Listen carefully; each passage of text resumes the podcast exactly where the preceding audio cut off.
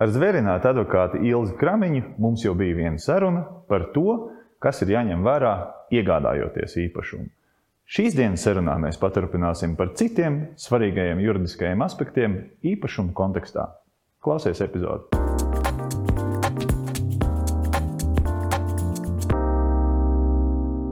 Sveika, Ilze! Sveiks, Gunter! Jau iepriekšējā reizē, kad tikāmies, dienu pēc sarunā, jau bija sajūta, ka mums būs sarunas turpinājums. Te nu viņš ir. Tieši tā, paldies, ka uzaicinājāt. Jā, jo, jo viennozīmīgi iepriekšējā reizē mēs izrunājām visu, kas ir svarīgi, ko ņemt vērā. Nu, tad, kad mēs iegādājāmies īpašumu un tos praktiskos soļus, secību, kā mēs nonākam līdz darījumam. Bet tiešām šodien gribās paturpināt sarunu par ne mazāk būtiskajiem jautājumiem. Un, un, un uh, viens no jautājumiem patiesībā ir par to, tad, kad mēs esam nopirkuši, uh, kā tas faktiski un juridiski uh, noliekās uz papīra tādā ģimenes kontekstā. Un mums ir dažādas ģimenes formāti. Mēs Cits ir precējies, cits nav precējies, cits nekad neprā, neplāno precēties. Bet, bet uh, varbūt var pastāstīt par to, kas, teiksim tā, kādas ir šīs īpašuma saistību formas tajā brīdī, tad, kad tu jau iegādājies īpašumu laulībā esot. Tādā klasiskā ģimenes izpratnē. Klasiskā ģimenes izpratnē visbiežāk būs tā, ka droši vien Latvijā joprojām tiešām visbiežāk, ka laulātiem nebūs noslēgts atsevišķs laulāto mantisko attiecību līgums. Līdz ar to klasiskajā izpratnē, ja nekustamais īpašums būs iegādāts laulības laikā, tas nonāks abu laulāto kopīgās mantas sastāvā. Proti, tiks prezumēts, ka tas pieder abiem laulātajiem kopā, viņu kopīgajā mantā. Un tas turklāt tā prezumcija darbojās neatkarīgi no tā, ka zemes grāmatā varbūt tas būs reģistrēts tikai uz viena laulātā vārda, uz vīra vai sievas. Bet tomēr tā tad eh, piederēs faktiski abiem. Tas nozīmē, ka laulības šķiršanas gadījumā darbosies prezumcija, ka tas pieder laulātajiem uz pusēm, ja vien tur kāds nevar pierādīt kaut ko atsevišķu. Ja? Tad tas būs tas, tas, tas, tā klasiskā situācija, par kuru acīm redzot jautā. Jā, uh, bet mūsdienās mēs nereti uh, iegādājamies nekustamos īpašumus ar kredītu palīdzību. Un tad ir jautājums, bija šī savādāk. Uh, Viens paņem no ģimenes kredītu, otrs ir galvotājs. Tad kā tad šis te kaut kādā veidā korelē? Vēl joprojām tas ir teiksim, līdz kredīta izmaksas brīdim, tas ir nu, abiem diviem šis mājoklis pieder, vai nekustamais īpašums pieder, vai, vai tomēr tas, kurš ir uzņēmies to, to, to kredītu un to rūpi par, par mājokļu nomaksu. Gunter, nebūs tā, ka ir tieša saistība starp kredīta attiecībām un tam, kā tu saki, kā tas nekustamais īpašums nosaižās eh, laulāto piedarībā. Ja? Jo tās ir divas dažādas lietas. Laulības laikā iegūts, tas nemainās, kaut uz viena vārda, piederēs abiem. Savukārt kredīta attiecības ir jau nākamais solis, un tur jau detalizēti jāskatās. Jo ļoti, ļoti dažādi mēdz cilvēki šim pieiet vai vienoties ar bankām. Ir situācijas, kur ņem abi laulātie teiksim, ja, šo te kredītu kopā. Ir situācijas, kur ņem viens laulātais, otrs galvo. Varbūt ir situācija, kur vienkārši ņem viens laulātais, teiksim, ja, un otrs nemaz teiksim, kredīta attiecībās nepiedalās. Bet tas tiešā veidā nemaina to mantas piedarību ja, un to likuma prezumciju, ka tas piederēs Mm, kā, laulātajiem uz pusēm. Savukārt, kredīta attiecībās jau tu vienmēr skatīsies. Kurš ir tas kredītņēmējs? Ja? Un tur starp laulātiem, protams, arī jānovienojas, kā viņi to vēlas, ja? un tad jāskatās. Bet banka savukārt, banka, protams, arī vienmēr rēķinās, ja tas īpašums iegādāts laulības laikā, ka tad um, tas pieder laulātiem uz pusēm. Un, ja kredītņēmējs tikai viens un viens viņiem ir parādnieks, tad visdrīzāk tad viņi to piedziņu varēs vērst uz pusi eh, no tā īpašuma, kas atrodas laulāto eh, kop, kopīgajā mantā. Ja, tā, tur sākās dažādas nianses. Jā, jā, tieši Bet, tā. Eh, šis ir, šis ir tas patiesībā pamats, kādēļ arī bankas labprāt redz, kad, kad uh, kredīts tiek ņemts vai nu solidāri, vai, vai, vai uh, piesaistot arī otru ģimenes locekli. Tieši tā. Tieši tā. Tas ir domāju, noteikti viens no tiem pamatiem, ka jārēķinās, jā, ka tā otra puse var nepiederēt tam, kurš ņem kredītu. Jā. O, tas ir ļoti, ļoti, ļoti interesanti un ļoti noderīgi to zināt. Uh, te uzreiz arī jautājums par uh, ģimenes situācijām, jeb šo situācijām, kad uh, nav nodibināta laulība, kad, kad ir partneri, kas dzīvo kopā, bet vai nu varbūt neplāno nekad arī laulāties, vai arī varbūt ir mirkli pirms laulībām nonāk šis moments, kad gribās iegādāties mājokli, bet nu, tā, tā vajadzība ir tik liela, ka nevar pagaidīt teiksim, pusgadu vai gadu, kad šīs laulības datums ir nolikts. Kas tad būtu jāņem vērā?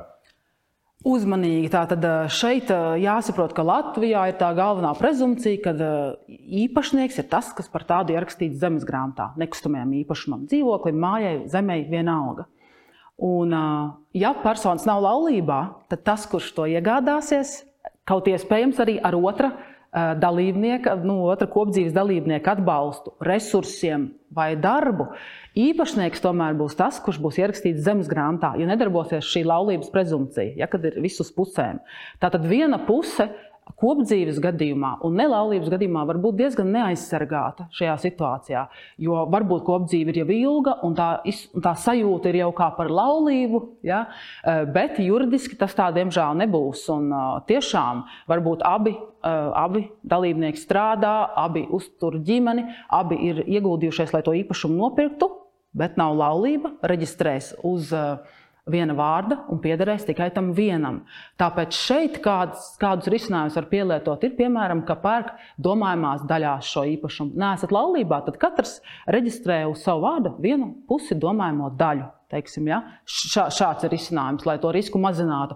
Jo, protams, dzīvē visādi mēdz notikt, un ja, ja personas pašķirās, tad, diemžēl, tā otra puse, kas būs piedalījusies, būs neaizsargāta, jo uz viņas vārdu nebūs reģistrēts tas īpašums. Ja? Tad faktiski ir ļoti grūti vai neiespējami pretendēt uz to īpašumu, jo zemes grāmatā būs reģistrēts otrs kopdzīves dalībnieks. Šeit uzreiz arī jautājums par laulības līgumu.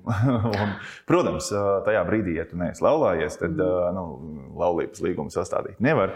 Bet pieņemsim, ja ir situācija, kad mums ir bijusi tā nepieciešama iegādāties mājokli pirms laulībām, mēs to esam izdarījuši, un, un, un mēs salauzāmies.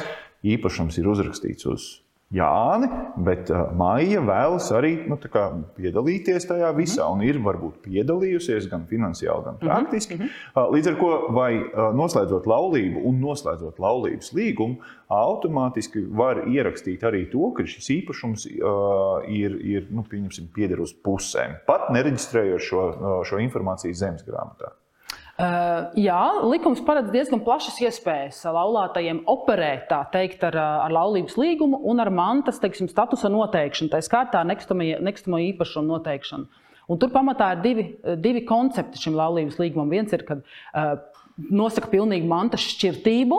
Ja, tā tad laulātie vēlas būt neatkarīgi, paredz tātad, eh, kas katram pieder, sadala. Ja, tad arī ir skaidrs, ka kreditori un, un, un citas iencēlas personas to rēķinās, ka tas ir tikai tavs un laulātiem nav nekāda sakara. Vai otrs ir koncepts, kas nosaka visas mantas kopību, vai nu, lielākās daļas mantas kopību laulātie saliekta tādā vienā kopīgā mas, mantas masā, mm. kura viņiem pieder kopīgi, ja? neizteiktās daļās.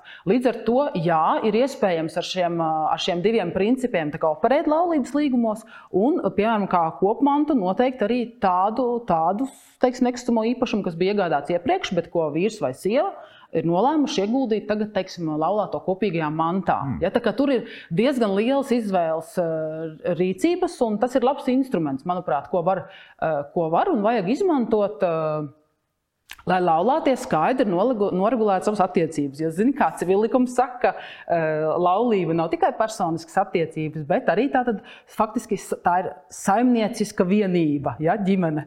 Tā kā arī skaidrība šajā ziņā nekad nenāk par ļaunu. Jā, mēs esam diezgan labi nonākuši no, no baznīcas līdz tiesam ar šiem jautājumiem. Bet, jā, tie, ir, tie ir būtiski jautājumi. Un, vai tā, tādējādi mēs varētu pateikt, ka patiesībā laulības līgums ir nu, kā, kā, kā instruments, lai sakārtotu savstarpējo sapratni par mantisko jautājumu? Precīzi, Gunār, precīzi raksturoji, vēl precīzāk nevarētu. Tieši tā, tieši tā. Un to vienmēr vajag apdomāt Eh, par iespējamu izmantot.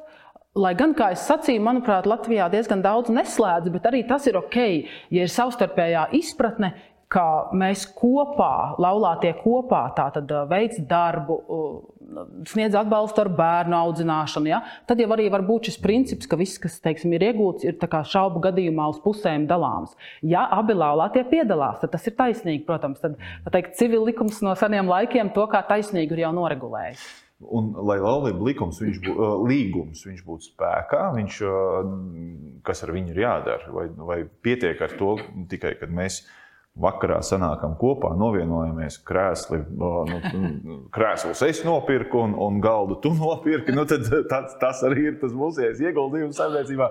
Vai, vai, vai, vai tomēr uh, ir, ir šīs dokuments, nu, ja mēs abi parakstāmies zem tā, ir jāiznes pie kaut kā apstiprināt, nu, tā lai tas būtu leģitīvi. Uh, ir īpaša procedūra, jā, mā, mājās dalot krēslus, var radīt varbūt melnrakstu ja, šim līgumam, bet vispār ir īpaša procedūra, kā tas ir jānoslēdz abiem laulātajiem klātesot pie notāra, un pēc tam to arī reģistrē speciālā uh, laulāto mantisko attiecību reģistrā. Tātad arī trešās personas kreditori, banka, vienalga, kurš var ielūkoties un redzēt, ka starp šīm personām ir teiksim, šāda veida uh, laulāto mantiskas attiecības.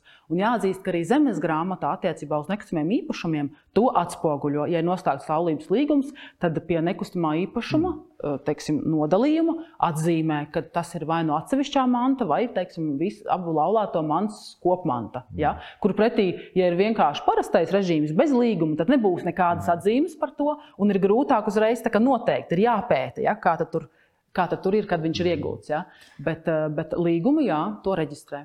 Tā cilvēcīgi. Laulību līgumus parasti izmanto kašķējoties, vai, vai, vai tomēr tas ir nu, mūsdienu pareizi sapratni, kā būtu nu, teiksim, sakārtot to mājasaimniecību. Es domāju, ka tā ir mūsdienu normāla sapratne, kā sakārtot mājsaimniecību. Jautājums, vai cilvēki izvēlas to instrumentu. Ārvalstīs, kā mēs zinām no Amerikas filmām, ja, tas, eh, tas, manuprāt, ir tāds tā kā. Man liekas, retākas situācijas, kad to neslēdz. Ja? Pēc vasaras nāk rudens, tā arī laulājoties slēdzam līgumu. Ja? Jā, nu tieši tā. Tas ir daudz ikdienišķāk un ierastāk. Bet arī Latvijā tas, manuprāt, sāk uh, mm. iegūt ar vien lielāku popularitāti. Tas ir normāli. Tad tā ir normāli. Nu, klausoties, klausoties tevis stāstītajā, viennozīmīgi šis ir ļoti labs instruments gadījumā, ja neplāno precēties, uh, tad kaut kādā veidā teiksim, salikt nu, kaut kādu šo te, uh, lietu kopumu uz papīra, kas katram pieder. Bet vai var vispār noslēgt tādu līgumu, ja tu neplāno precēties? Kā tad tas saucās? Tātad tagad tu man nedaudz samulsināji, bet pamatā to laulību līgumu tomēr slēdz vai nu īsi pirms laulības, jau tā paredzot, ka viņš stājas spēkā, kad puses stājas laulībā, vai laulības laikā. Mm -hmm. ja? Tātad, tātad ko, ko slēdzam, ja mēs esam vienkārši kopdzīvē? Kā jau es sacīju, jautājums, vai tad kaut kas ir jāslēdz, jo tad darbojās zemes grāmatas prezumcija. Ka okay. tas, kurš ir, tas, kurš ir uh, zemes grāmatā ierakstīts, tas ir īpašnieks. Okay. Ja tu vēlēsies sevi aizsargāt, tad uh, vienkārši pērciet nekustamo īpašumu uz domājumām daļām lai tu esi līdziepašnieks, kopīpašnieks. Bet tas ir tas veids. Krēslu un galdu tagad, tādā gadījumā ir jāsadala ar pavadzīmēm. Ja? Kurš apakšā ir parakstījis, tam arī krēsls. vai, ar vai ar atsevišķu vienošanos, jā, jo civil likums runā arī par tādu mājasaimniecības daļu, kas ir kustamās mantas vai, eh, vai veļas pulveri. Ja? Un tur, protams, ir grūtāk, grūtāk nodalīt. Ja? Vairāk jāstāsta uz tiem nekustiem īpašumiem, kas ir tā lielākā vērtības daļa. Okay, okay. Labi, ar ģimeņa statusiem būsim tikuši skaidrībā. Tad vēl vēlētos ar tevi aprunāties par to, ko būtu vērts ņemt vērā, ja mēs iegādājamies mājokli jaunajos projektos. Tieši jaunie daudz dzīvokļu projekti, kam pievērst uzmanību, garantijas, ne garantijas, priekšlīgumu. Kas, kā tu kā, kā, kā advokāti varētu pateikt, tā, šim, šim, šim lūdzu pievērst uzmanību? Mm -hmm. Pirmais aspekts, kas nāk prātā, jaunie projekti nereti tiek pārdoti ar priekšlīgumiem brīdī, kad dabā vēl gandrīz nekā nav, vai ir tikai pats sākums, kad ir pamati, pirmie stāvi un tam līdzīgi. Ja mēs, piemēram, runājam par dzīvokļiem. Ja? Līdz ar to pirmie svarīgie aspekti ir tādi praktiskas dabas, mazāk juridiskas dabas. Paskatīties, tātad, kas tā ir par lokāciju, kas tā par vietu, skatīties, kas ir attīstītājs, kāda ir attīstītājiem reputācija un arī būvniekam reputācija, kāda ir iepriekšējie projekti. Ja? Jo varbūt ir iespējams ievākt atsauksmes par to, jo, tas, jo tas nozīmē, ka ļoti grūti ir um, paredzēt to kvalitāti tam, ko tu pērci. ja tu pērc to vēl attīstības stadijā. Ja? Kā pievērst uzmanību tehniskajiem rādītājiem, sākot nezinu, no apgabala materiāliem, no, no, no no grieztu augstuma, ja, lai nav tādu pārsteigumu, ka tajā brīdī, kad tu ienāc to objektu apskatīties, un viņš tiešām būs jāpērk, ka tās vīzijas par to, ko klients ir iedomājies, sakritīs ar to realitāti, ko viņš ieraudzīs dabā. Līdz ar to jāpievērš īpaša uzmanība jā, priekšlīgumiem, jo visbiežāk tātad, šāda tipa objekti, vēl neuzbūvēti, vēl dabā nenoformēti un nēsoši, tiek pārdoti ar priekšlīgumiem. Un, um, jāskatās, jā, tātad, kas ir priekšlīguma tekstā, kādi ir noteikumi, kādi ir pielikumi, vai ir šis dzīvokļa vai mājas plāns, kas, ko plānots iegādāties, vai ir uh, tehnisko parametru apraksts, tātad, vai tas jūs apmierina. Ja?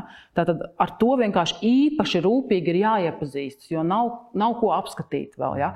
Kurā stāvā, kāds ir jūsu priekšstats, uh, kurā pusē tas dzīvoklis atradīsies, kāds nu, teiksim, vai jūs redzēsiet sauli rītā, vakarā, vai varbūt rītā un vakarā. Ja? Kā, lai nav tie uh, nepatīkamie pārsteigumi, uh, jo nevienmēr izrādīsies, ka tas ir kaut kāds defekts, piemēram, bet tas būs kaut kas, ko jūs vienkārši nebūsiet pamanījis, aizdomājies, vai nebūsiet pamanījis, ka tur ir diezgan zemi griezti, un jūs iesiet, un būsiet nepatīkami pārsteigts. Bet tas nebūs defekts, ja? un iespējams jūs nevarēsiet atkāpties no šī noslēgtā priek priekšlīguma. Ja? Tā kā jāstāsta. Tas, ko tu saki, jo, jo precīzāk tu spēj izlasīt par pašu produktu Jā. līgumā, jo Jā. labāk, jo tad mēs izslēdzam daudz kaut kādas spekulācijas par to. Es domāju šādi, Jā. tu domāji Jā. šādi, bet Jā. patiesībā ir šādi. Jā, tieši tā. Ja kāds uh, paziņās, draugos ir kāds cilvēks ar būvniecības teikt, zināšanām, var uzmest aci ja, tehniskajam projektam, plānojumam, ja, tehniskajam aprakstam. Tas vienmēr viss ir derīgi. Tas nu, varbūt tiek pamanīts kaut kas, kas jau nesakrīt ar, nu, ar, ar gaidām par to mm. objektu, ko tu pēc. Ja. Tas, manuprāt, ir ļoti būtiski.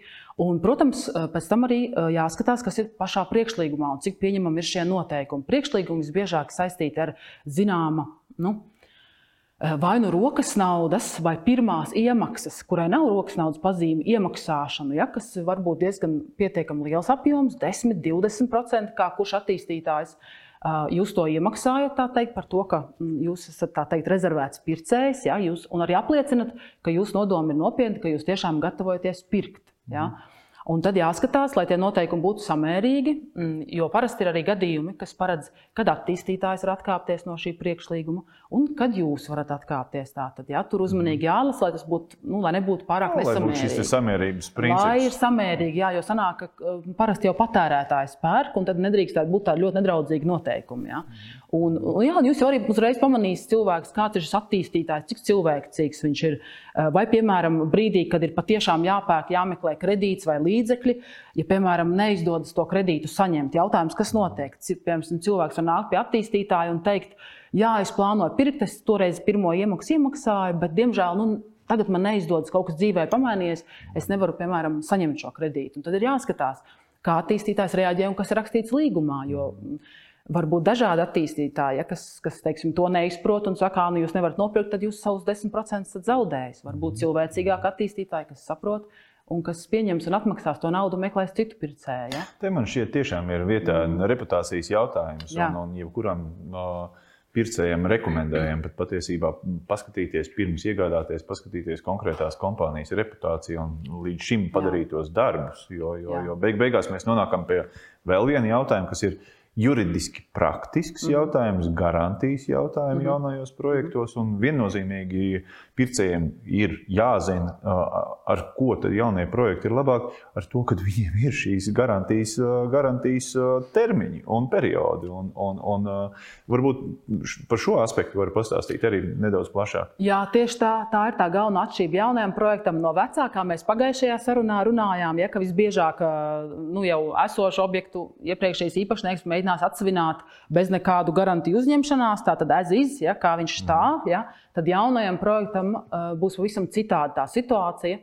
Un, tāpēc, ka likums to nosaka, ja, un tāpēc, ka tas vispār ir nu, saprātīgi, ka tiek dota garantija. Visbiežāk tā ir divi gadi, kas ir arī minimālais patērētāju tiesību aizsardzība likumā noteiktais termiņš. Divu gadu laikā tā tad ir iespēja šos atklātos defektus pieteikt, un attīstītājiem ir pienākums tātad, tos arī attiecīgi saprātīgā termiņā novērst. Ja? Un tam vienmēr jāpievērš uzmanība, vai tas tā ir, vai tas līgumā arī tā ir paredzēts kāda ir šī procedūra, cik draudzīga tā ir, kādos termiņos attīstītājs ir apņēmies to novērst. Ja? Protams, ka visbiežāk būs situācija, kur to dzīvokli pirms iegādes klients tiek uzaicināts apskatīt. Ja, tā tad ir iespēja izstaigāt, pārbaudīt. Jau tad, ja tiek atklāta defekta, tad defektu akts, novēršana ja, un tā tālāk. Bet, protams, ka var būt lietas, kas parādās vēlāk, jau nedaudz vēlāk. Es pačukstēšu. Jā. Ir Un vienmēr. un, jo no, māja ir, tā. protams, arī pirmajos gados līdzīgi kā dzīves organisms, viņi spēja nostaigāt un, un parādās iespējams kaut kādas plaisas, bet tās mm. nav plaisas, par kurām ir jā, jābaidās. Tas ir vienkārši uh, svītra, Taisnā, svītra uh, apdars materiāli, mm. nu, respektīvi sienā uh, būsim tieši. Un, Tie garantijas darbi ir jautājums ir par to, kā, cik atbildīgi konkrētais attīstītājs viņa, uz viņiem reaģē un, un, un viņus novērš. Jā, tieši tā. tā tas, ir, tas, ir, tas, ir, tas ir svarīgs aspekts. Jā. Vēl, ja runājam par ļoti praktiskām lietām, tad, protams, arī jauno projektu pērkot, kad, kad pēc veca projekta vienmēr painteresējies, kādi ir šie saucamie komunālie maksājumi, apsaimniekošanas maksa un vispārējais. To tad ir iespējams vecā projekta gadījumā viegli parādīt, parādot iepriekšējā mēneša rēķinus. Jaunajos projektos tātad Var jautāt attīstītājiem, un tā jautājums tev, kā gadījumos, kad klienti nāk un saka, bet Gunter, kāds būs jūsu projektā teiksim, komunālo maksājumu rēķina, ar ko man jārēķinās? Kā jūs, kā attīstītāji, to dara? Uh, ir sarežģīta atbilde un ir vienkārša atbilde. Nē, sarežģīta atbilde ir tāda, ka, protams, būvējot, vienmēr mēs iebūvējam iekšā inženieru sistēmas, kuras, kurām ir darbības parametri, un tad viņas var izmodelēt šīs te, šos rādītājus, kāds būs patēriņš tādā ziņā, kā, kā kilovatstundas vai, vai, vai uh, dažādi citi parametri. Uh, tas, tas attiecās uz ēkas kopējiem uh, rādītājiem, teiksim, lai uzturētu koplietošanas sistēmas un tā tālāk. Un tā tālāk. Un tad, protams, ir praktiskā puse, kas ir tavā konkrētajā dzīvoklī, cik un kādas gala, mhm. gala iekārtas tu esi pieslēdzis un tu lieto tiepaši no mhm. televizoru, leduskapja un mhm. vispārējais cik viņi ir energoefektīvi un tā tālāk. Bet patiesībā tā, tā vienkārša atbilde ir tāda, ka jebkuram attīstītājam jau veidojās track records, pieredze iepriekšējā, mm -hmm. no iepriekšējiem projektiem. Un, ja viņi ir līdzvērtīgi teiksim, parametros, mm -hmm. tad viņi ir izbūvēti arī visticamāk ļoti kvalitatīvi. Un tad jau vislabāk ir salīdzināt tieši šos rādītājus iepriekšējos projektos. Mm -hmm par pamatu ņemot konkrētus dzīvokļus. Mēs tieši tā paša arī esam. Tagad, būvējot mūsu moho un abas ziedu terases mhm. jauno projektu, mēs esam par pamatu ņēmuši izvērtējumu divu krastu. Mūsu pirmā, pirmajā projektā divi krasti, divas dzīvokļus, divi istabi, trīs mhm, dzīvokļi. Mhm. Un mēs ļoti skaidri redzam tos patēriņus, saprotot to, ka konkrēti iekšā dzīvo ģimene ar diviem mm -hmm. bērniem, vai pieņemsim, mm -hmm. ģimene ar trīs vai četru cilvēku sastāvā, kādi ir aptuveni tie, tie, tie, tie mm -hmm. rādītāji. Tā, tā ir tāda vienkārša atbilde, bet patiesībā ir, tas sastāv tiešām no divām daļām. Tas ir koplietošanas tēp, inženieru mhm. sistēmas, kuras uztur māju pie dzīvības, un tad ir tas, ko tu pats galā patērē, kas jau gan patiesībā ir tavs patēriņa tradīcijas. Tā kā tā, bet viennozīmīgi, jā. Būvējot pareizi. Ir energoefektīvi. nu, tieši tā, jā, tā kā, nu, protams, ka cilvēki to arī saprot. Tāpēc man liekas, arī vairāk skatās uz šo jauno projektu, objektu iegādi. Jā, jā.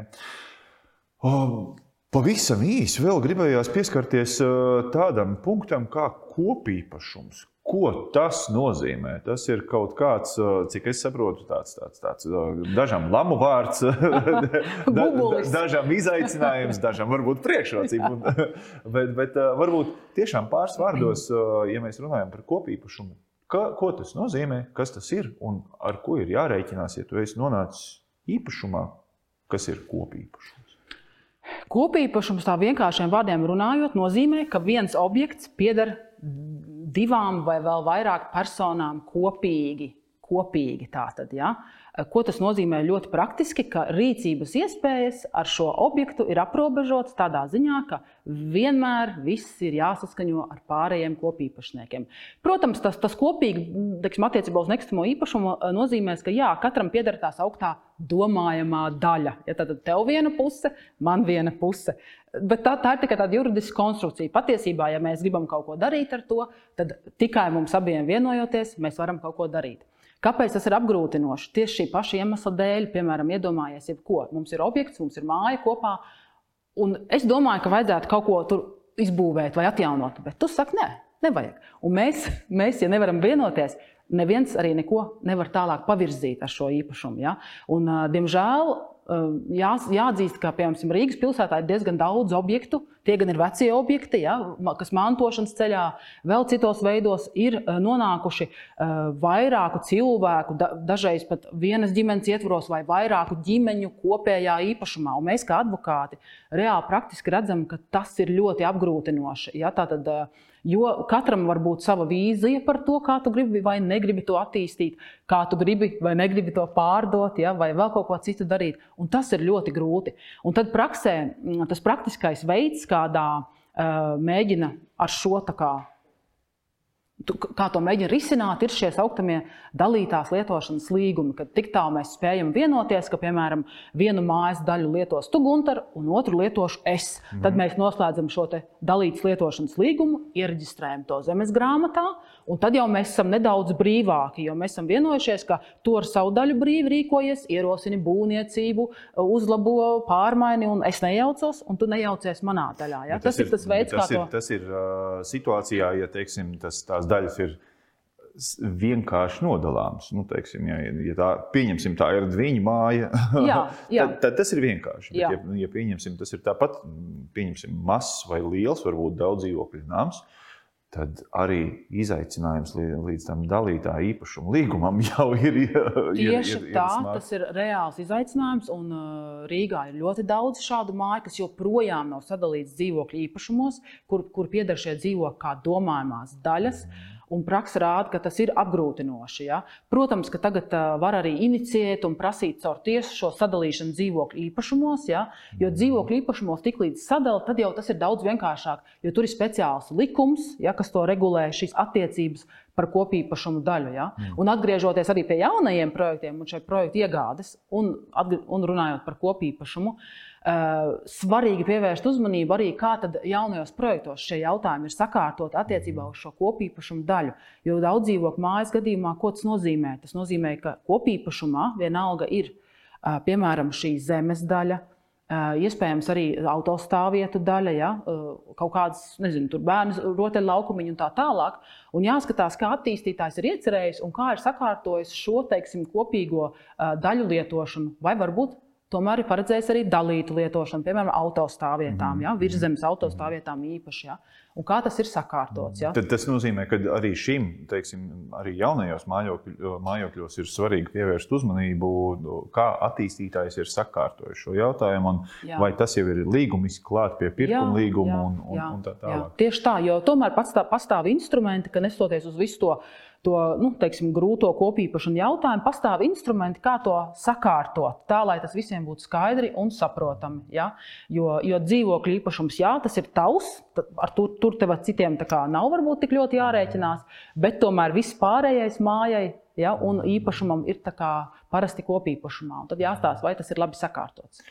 Te nu mēs nonākam pie, pie kopējā secinājuma, kad, kad kā teikts, labs līgums ir tas, kuru mēs atrunājam, parakstam un par viņu aizmirstam. Bet labāk šo līgumisko pusi sakārtot visās mūsu dzīves situācijās, lai jautājumu gadījumā mēs varam tomēr pavērt, pavērt vaļā un paskatīties precīzi, ka šādi mēs esam vienojušies. Jā, tieši tā, Gunter. Tieši tā. Ilzi, paldies tev par sarunu. Vēl viena forša saruna ar tevi. Paldies, tev, Lielas. Paldies. Arī šī saruna ar Ilzu bija ļoti interesanta un ļoti saistoša, pamācoša, izzinoša, praktiska. Kopumā it kā jau visas šīs lietas ir saprotamas, bet patiesībā liela atziņa ir tā, ka jo mēs drošāk vēlamies justies, jo precīzāk mums vajag visas šīs lietas atrunāt ar mūsu sadarbības partneriem vai teiksim, dzīves biedriem vai, vai ceļu biedriem, labāk to visu ir uzlikt uz papīra, lai uh, brīdī, kad ir neskaidrības, viņu nav. Viss ir atrunāts dokumentos.